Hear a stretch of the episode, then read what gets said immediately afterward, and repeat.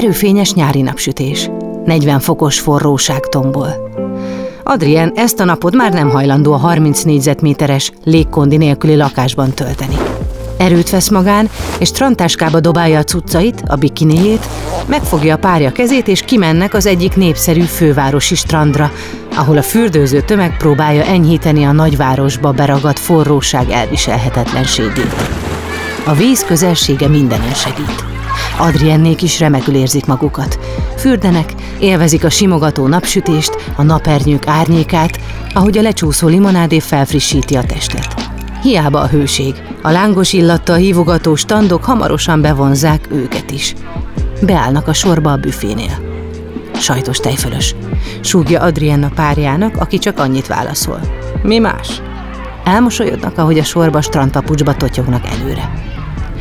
Ekkor hallja meg Adrien, ahogy egy mögötte álló kislány félve kérdezi édesanyját. Anyu, mi baja a néninek? Mutat a kislány az Adrien testét borító pigment hiányos foltokra. Nem tudom, kislányom, de ne nyújj hozzá.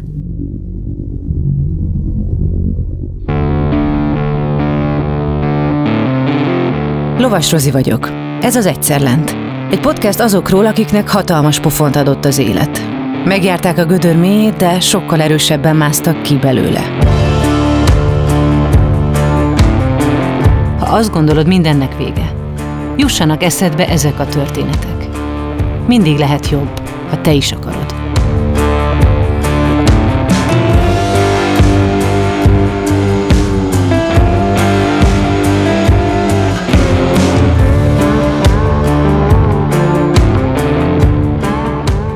Ez az epizód Széles Adrien történetét meséli el, aki öt éves korában szembesült egy akkoriban Magyarországon még szinte teljesen ismeretlen autoimmunbetegséggel, a vitiligóval.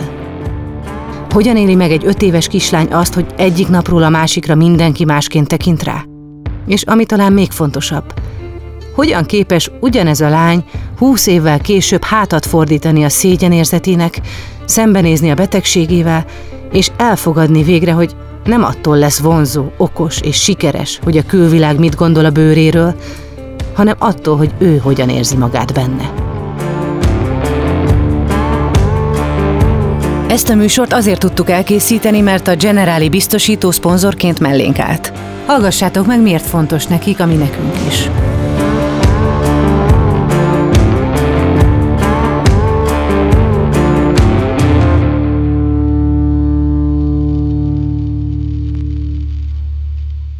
A leggyakrabban a semmiből jön az a bizonyos pofon, ami a padlóra küld. Elveszíted a munkád, a társad, vagy a saját egészséged mondja fel a szolgálatot. Ahányan vagyunk, annyiféleképpen vagyunk rosszul, és annyiféle támogatásra vágyunk. Mi a Generalinál abban hiszünk, hogy empátiával, személyes kapcsolattartással és rátszabott megoldásokkal úgy tudunk segíteni, ahogy neked a legjobb. Azért támogatjuk az Egyszer Lent podcastet, mert tudjuk, hogy ezek a történetek nem csak elgondolkodtatnak, hanem segítenek abban, hogy jobban odafigyeljünk egymásra, és ezzel megelőzhetjük a bajt, vagy csökkenthetjük azok súlyosságát.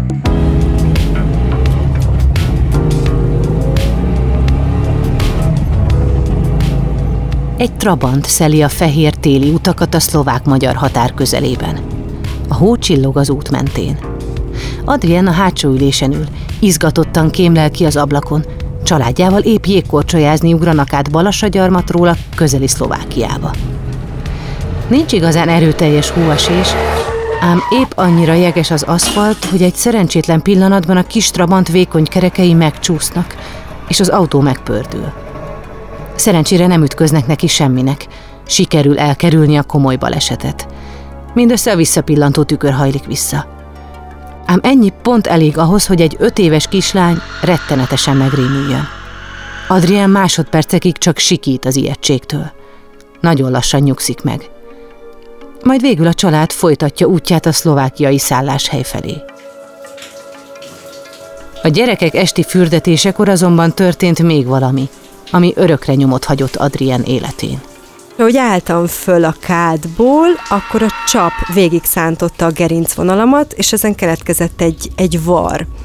És ugye előtte volt ez a sok helyzet egy ilyen másfél órával, ahogy mi beborultunk ugye az árokba. Tehát sokszor mondják, hogy a vitiligó az egy hirtelen sok hatására egyidejűleg bekövetkező fizikális és mentális sérülés igazából az együttese, és nekem a mentális sérülésem az az volt, hogy beborultunk az árokba, ettől én megijedtem, a fizikális pedig rá másfél órára érkezett meg, ahogy a kádba levertem a hátamat a csapba.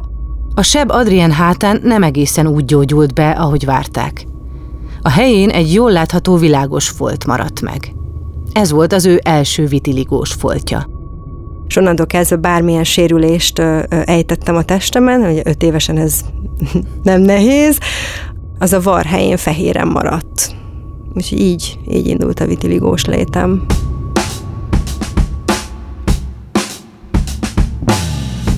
Orvosról orvosra jártak, de még azt sem volt egyszerű kideríteni, hogy egyáltalán milyen betegséggel kell szembenézniük. Hiszen akkoriban a vitiligó még az orvosok körében sem volt olyan ismert betegség, mint manapság. A vitiligó egy különleges betegség. Pontos oka nem ismert. Kialakulásában genetikai, környezeti és autoimmun tényezők is szerepet játszhatnak. Mint minden más autoimmunbetegség esetében, itt is a test immunrendszere támadja meg saját sejtjeit, elpusztítva azokat. Jelen esetben a bőrpigment sejtjeit, a melanocitákat. Pénzt, energiát, időt és hitet nem kímélve kutattuk, hogy mi a problémám, és a legelső az mindig az volt, hogy hát gombás a gyereknek a, a keze, vagy a lába, vagy a háta, mert ugye a napgomba képes egy ilyen ö, ö, hasonló fehér pigmentációt okozni, és hát mindenféle kencét kipróbáltam, ö, voltam energiagyógyásznál, Adrient az első években még nem zavarták különösebben a foltok, nem is volt annyira sok belőlük. Így voltak éppen nem is tudatosult benne igazán, hogy ő más lenne, mint a többi kislány. Nyolc éves korára viszont már elég sok pigment hiányos folt jelent meg a testén. Az ő vitiligója nagyjából szimmetrikus volt.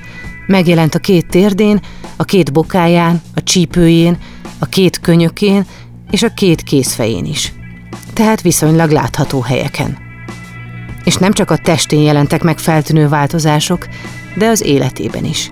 Nyolc éves voltam, amikor az anyuék elváltak, és az anyuval, meg a nővéremmel Szegedre költöztünk, egy teljesen új városba.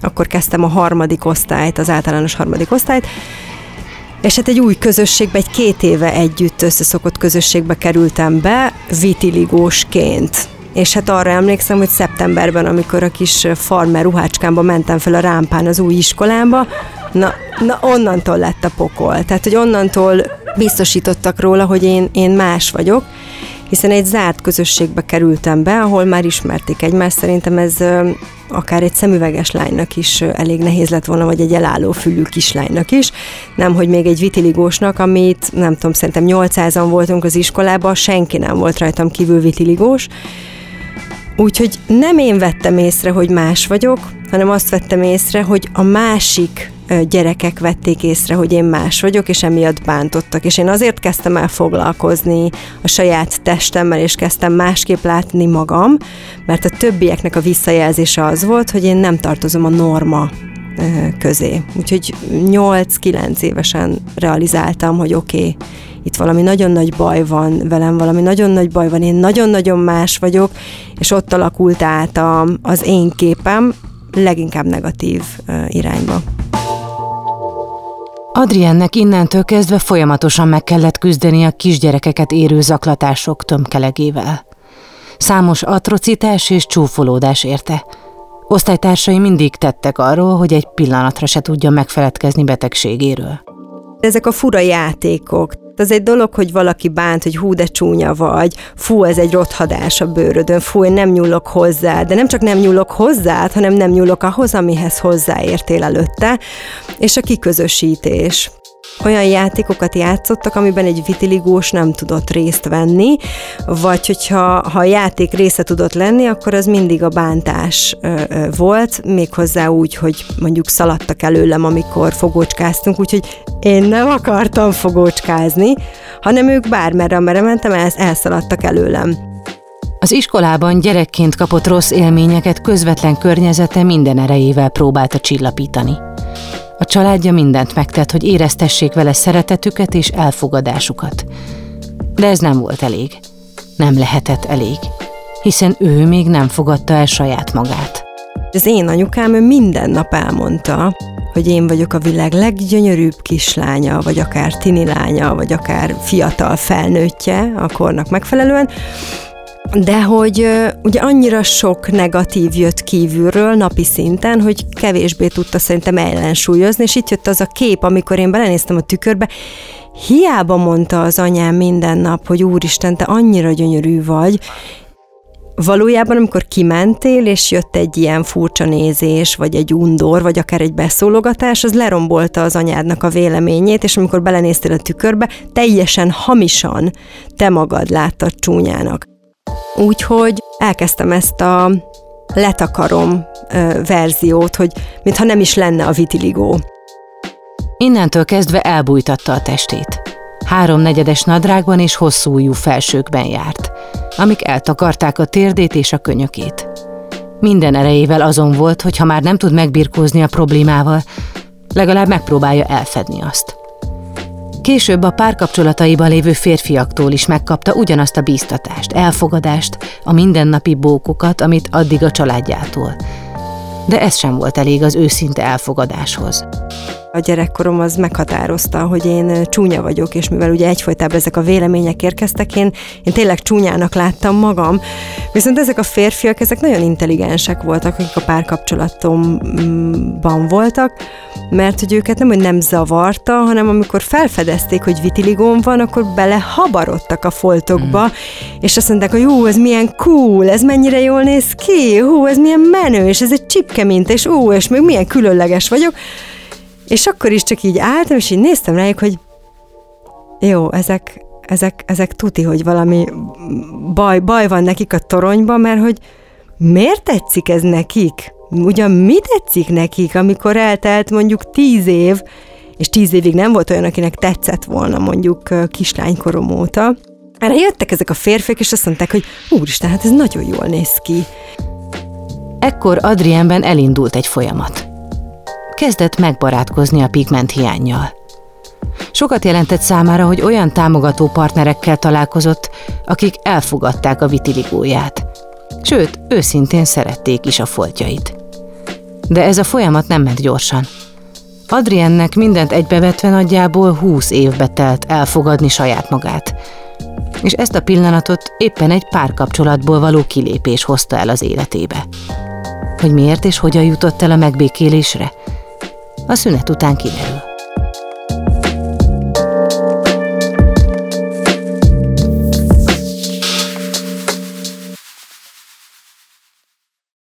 Mielőtt folytatódik ez az epizód, hallgassd meg a Beaton podcast ajánlóját.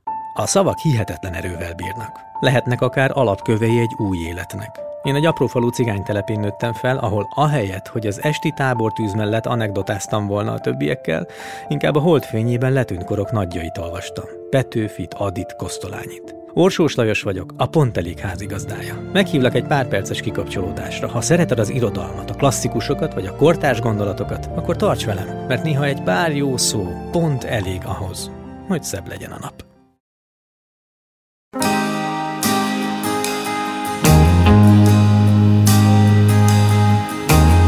Hófehér napsugarak törnek át az ablakon. Majdnem olyan fehérek, mint Adrien foltjai. A fiatal nő nyitott szemmel fekszik egyedül az ágyban. Nagyon hosszú idő után újra egyedül ébred föl. Összegubózva próbálja megszokni a francia ágy magányát. Véget ért egy komolynak tűnő, nyolc éves párkapcsolata. A férfi imádta vitiligós foltjait. Ezt minden nap el is mondta – így Adriennek ezen a napon nem csak a friss és eleinte fájdalmas egyedülléttel, de a szépségére vonatkozó nap mint nap érkező megerősítés hiányával is meg kellett küzdenie. Mit kezd most magával? Hogyan lesz képes folytatni ezt a küzdelmet egyedül? Hát most akkor itt mit kell csinálni? Hogy akkor ez innentől kezdve hogy lesz így tovább? Hogy akkor keresek még egy ilyen madarat, aki majd szépnek lát, vagy akkor ez így, ez így hogy? És akkor rájöttem, hogy na jó, de mi lenne akkor, hogyha elkezdeném én szépnek látni magam, és akkor független volnék a, a férfiaktól, akik szerint én szép vagyok. És akkor itt indult egy ilyen munka, hogy jé, hogy én el tudom esetleg azt érni, hogy én önmagamnak is szép legyek? Ez a felismerés arra is ráébresztette Adriánt, hogy hatalmas munka előtt áll. Hozzálátott komfortzónájának tágításához, és tudatosan kezdte el keresni azokat a helyzeteket, amelyekben kellemetlenül érzi magát. Gyakran vett föl szoknyát harisnya nélkül. Egyre többször fordult meg a strandon. Kifejezett szándéka volt, hogy meglássa a furcsáló vagy épp undorodó tekinteteket. Beengedje a fájdalmat, megélje azt, és megtanulja elengedni. És akkor elkezdtem belerakni magam ezekbe a szituációkba, és gyűjtöttem azokat az arcokat, amiket kaphatok. És akkor, amikor 10-15-ször kimész a, a, a strandra, és mondjuk begyűjtesz 50-60 fejet, ami kb. hasonló, az undorodok, a félek, a nem értem a, a, a bármi, akkor rájössz, hogy jé, te csak ennyit tudtok, hogy van összesen 100 fej, jó van, én ezt már láttam, tudsz valami újat mutatni?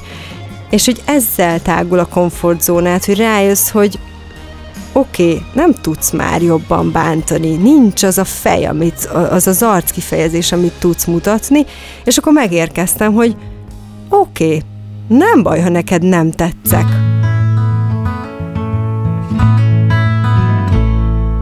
Ezzel egy időben nekiállt ismerkedni és barátkozni saját testével, és a testét borító foltokkal.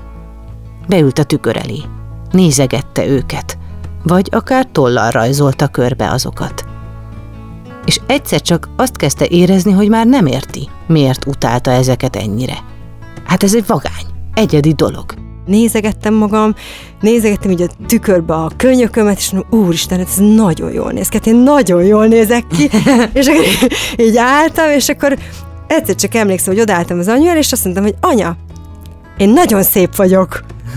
És így az egy kicsike, igen, te nagyon szép vagy, de így láttam a sokkolódást az arcán, hogy mi van ezzel a gyerekkel, hogy így, és mondták, hogy az van, hogy én rájöttem, hogy én szép vagyok.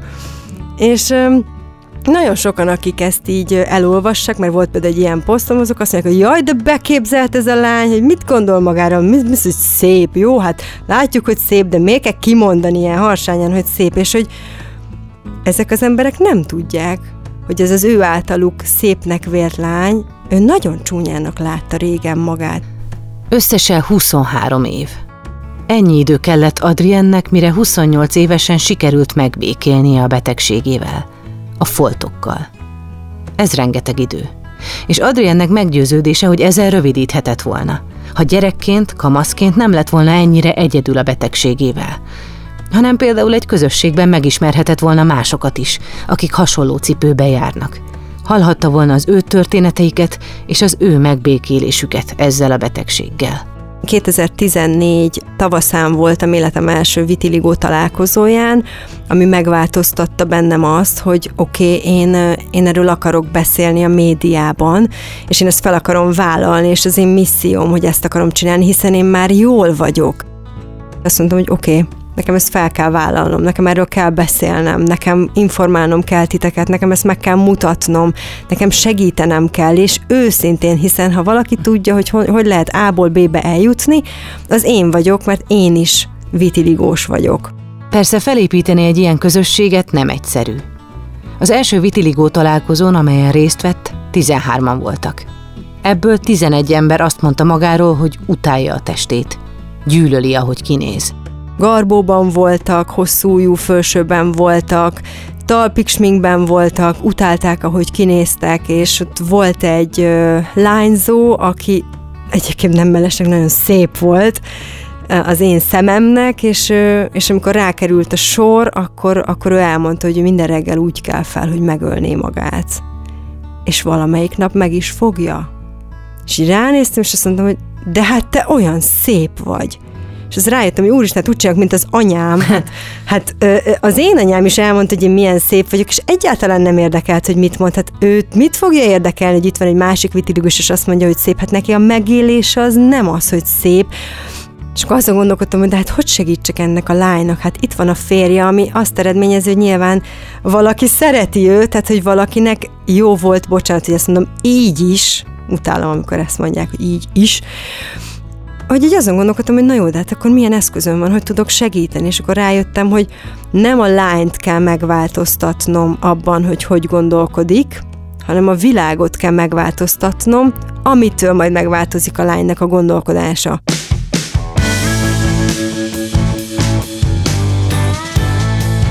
Adrien ekkor ébredt rá, hogy nem elég, ha csak a vitiligósokhoz szól. Arra is szükség van, hogy a világ felé, a másságot kirekesztő társadalom felé is kommunikáljon erről a betegségről. Hogy minél többen megismerjék azt, és egyre kevesebb anyuka mondja azt a gyerekének a strandon, hogy nem tudom, kislányom, de ne nyújj hozzá. Széles Adrien saját tapasztalataiból kiindulva 2015 óta tudatosan foglalkozik a vitiligo nevű autoimmunbetegség megismertetésével és elfogadtatásával Magyarországon. Azóta vitiligo nagykövetként azért dolgozik, hogy minél több emberhez eljutassa az üzenetét. Minél több nő fogadja el a saját testét. Tagja a közösségi platformokon a vitiligóval foglalkozó csoportoknak. Beszél a betegségről, tájékoztat és felvilágosít. Ha kell, tévés szerepléseket vállal, interjút ad, nyilatkozik.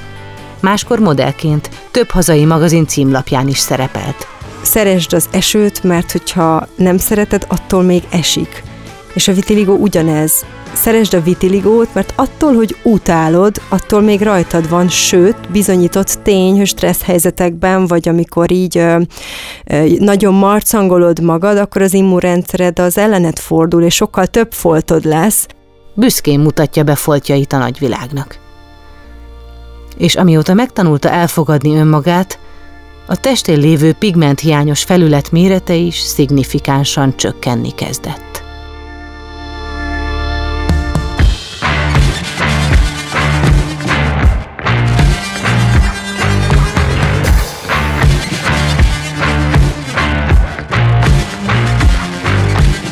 Az Egyszellent podcastet hallhattátok.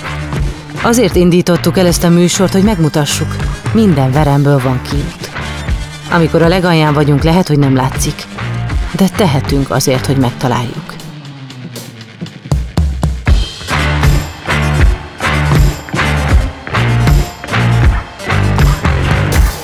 Az epizód szerkesztője Szerényi Szabolcs, a showrunner Orsós Lajos, a szövegíró Horváth János Antal, a zenei és utómunka szerkesztő Szűcs Dániel, a kreatív producer Román Balázs, a producer pedig Hampuk Richard volt.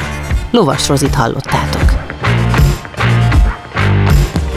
Ha úgy érzed, hogy te vagy valaki a környezetedben krízis helyzetben van, hívd a 116-123 ingyenes lelki elsősegély számot. Beaton.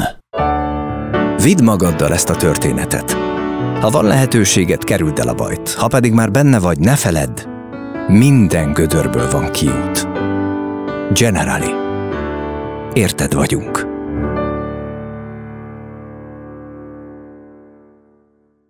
Ha más podcastekre is kíváncsi vagy, hallgassd meg a Béton műsor ajánlóját.